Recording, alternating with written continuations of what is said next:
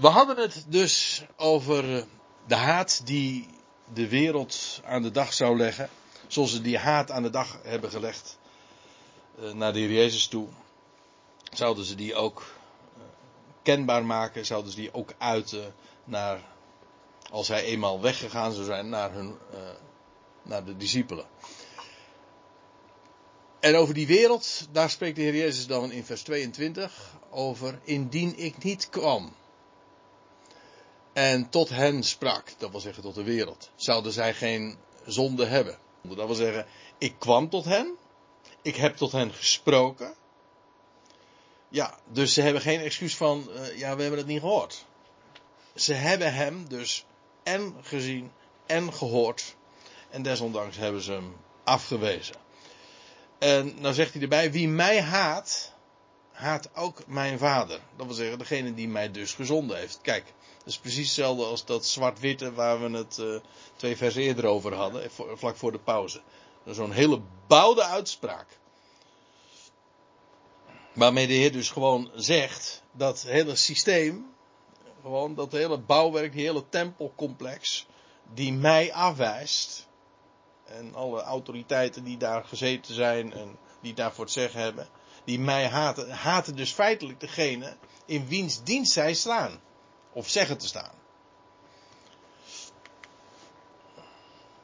In, en nou krijg je min of meer een herhaling, alleen spreekt hij niet over het woord, maar nu over werken. Indien ik niet de werken deed onder hen, die niemand anders deed, zouden zij geen zonde hebben. Dus in vers 22 had hij het over, eh, over het woord, als, indien ik niet tot hen uh, gesproken had. En hij zegt, indien ik niet de werken deed onder hen, die niemand anders deed, zouden zij geen zonde hebben.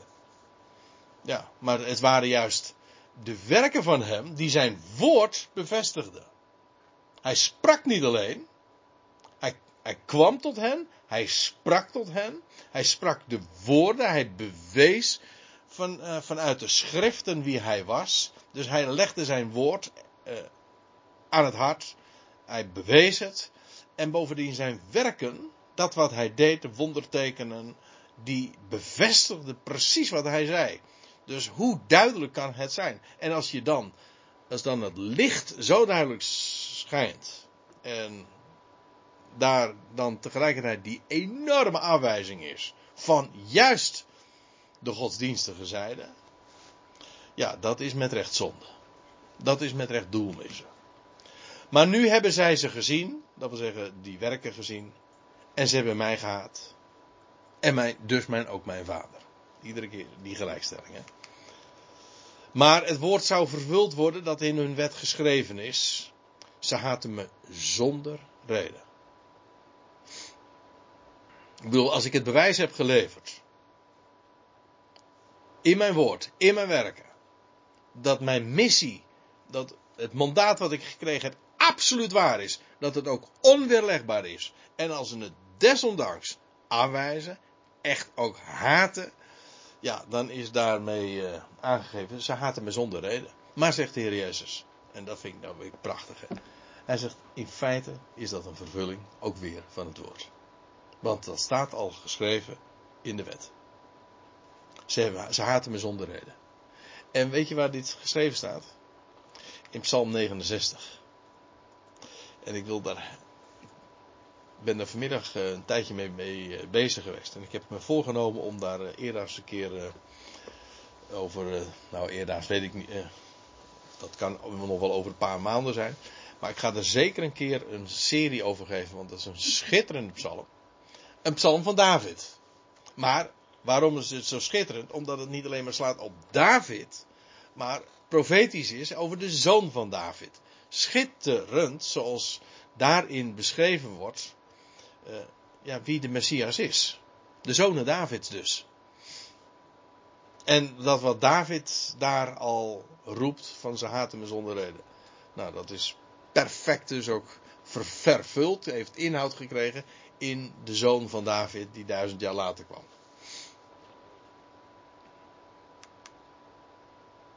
Maar, Ja, daar hebben we hem. Ja. De erbij geroepenen. Ik, heb- in de vorige Bijbelstudies die ik hier gaf, toen noemde ik het nog de parakleet. Maar ik, ik- inmiddels, toen ik die studie in, eh, of die toespraak in Soetermeer heb gegeven, toen dacht ik, nee, het is, het is inderdaad de erbij geroepenen. En het is misschien even wennen, maar als je het eenmaal begrijpt, dan is het zoveel beter en mooier dan de trooster. Dus ik hou het gewoon op de erbij geroepenen. Dat is wat parakleet gewoon betekent.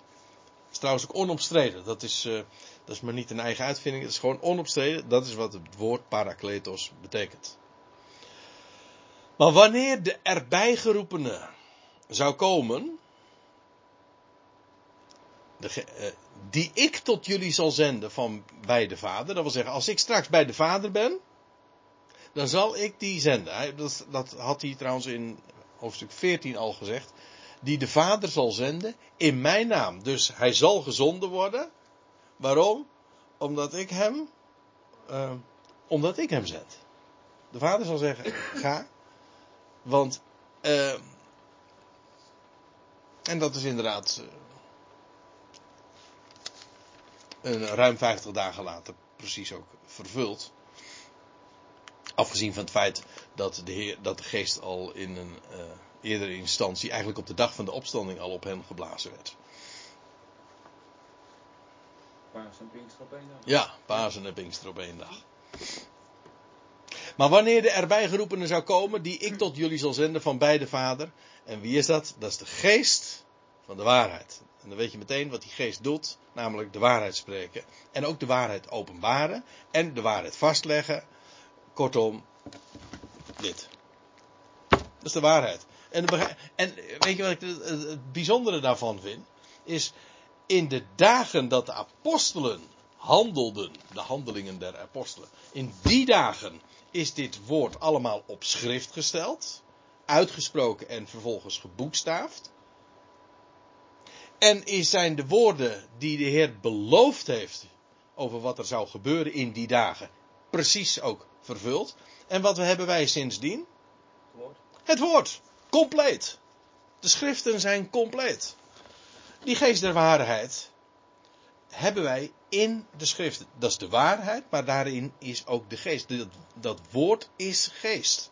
Dat woord is leven, het is krachtig, het is waarheid. De geest van de waarheid, die van bij de Vader uitgaat, die zal getuigen omtrent mij. En raad eens wat. Wat doet die, dat woord, als we dit lezen? Ja, het spreekt toch altijd van hem. Maar ook jullie getuigen, let op trouwens, wat hij zegt. De geest van de waarheid, die zal komen, die van, de, van bij de Vader uitgaat, die zal, die zal getuigen omtrent mij. Maar ook jullie getuigen, dat is niet eh, dubbel op, maar het is eigenlijk, eh, het geeft aan, hij getuigt door jullie heen. De Heilige Geest getuigt via jullie. Ja, omdat jullie vanaf het begin met mij zijn. Zie ook hier weer waar de Heer eh, op doelt, tegen wie hij spreekt. Degene die vanaf het begin met hem zijn en die hij heeft opgeleid. En die had hij uitgekozen. En die zouden die taak gaan vervullen. Nou, dat was hoofdstuk 15. En dan maken we nog even een begin met eh, hoofdstuk 16 ook. En dan lezen we dit. Deze dingen heb ik tot jullie gesproken. En deze dingen over haat en vervolging. Opdat jullie niet verstrikt zouden worden. Met andere woorden, eh, me- jullie, weten, jullie weten wat je te wachten staat. De Heer instrueert hen op deze gedenkwaardige dag. Dit gaat jullie overkomen zodat je niet in vertwijfeling hoeft te geraken of in ongeloof. Integendeel, je bent daarmee ook voorbereid. Het woord wat hier trouwens verstaald wordt met eh, verstrikt, ten val, dat is het Griekse woord skandalon. En eh, dat kennen we nog in ons Nederlandse woord schandaal. Skandaal. Dat is eigenlijk een Grieks woord. Een, schandaal heeft trouwens bij ons een wat andere betekenis gekregen. Maar het idee van een skandalon is een valstrik. Een, bijvoorbeeld een, het was een net uh, waar je bijvoorbeeld vogels in ving. Of een, uh, een, een val waarin een dier werd gevangen. Dat was een skandalon. Die ha de haat en de vervolging die men zou meemaken, dat zou voor hen geen verstrikking zijn. Want de Heer wist namelijk, uh, niet alleen dat het zou gebeuren, maar hij heeft het hen gezegd. Zodat ze geprepareerd waren. Want ze zullen jullie uit de synagoge zetten. Waaruit trouwens weer blijkt dat het inderdaad gaat over degene die bij hem waren. Over de, de Joodse volgelingen. En ze zouden hen uh, excommuniceren, zoals dat heet. Met een mooi woord. Dat wil zeggen, uit de gemeenschap zetten. En we hadden het zojuist over, uh, over het kerkelijk leven. En dan kun je ook geëxcommuniceerd worden. Als je dan buiten. Dan sta je buiten. En dat is veel meer dan alleen maar uh, dat je niet meer in dat gebouw kan komen. Dat betekent dat je echt buiten de gemeenschap geplaatst bent. En dat is eenzaam. Maar het uur komt, en de Heer zegt, uh, het kan ook nog erger. Want is eigenlijk nog maar, eigenlijk, excommunicatie is nog maar het begin. Want dat zou de, discipelen trouwens ook gaan meemaken en beleven. Maar het uur komt dat een ieder die jullie doodt, zou menen een dienst aan God aan te bieden. Goden een dienst te bewijzen als, als jullie overgeleverd worden en uh, omgebracht zouden worden. Wat dacht je? Ja. ik had de aantekening zelf ook gemaakt. Saulus van Tarsus was zo iemand. Dat was een ijveraar van God. Uh, zoals hij later zei, maar zonder verstand. De ijver aan God uh, uh, ontbrak het niet. Maar hij en meende ook inderdaad een God welgevallige dienst te bewijzen. Door die secte van de Nazareners te vervolgen en om te brengen en te verwoesten. Heer zegt het hier.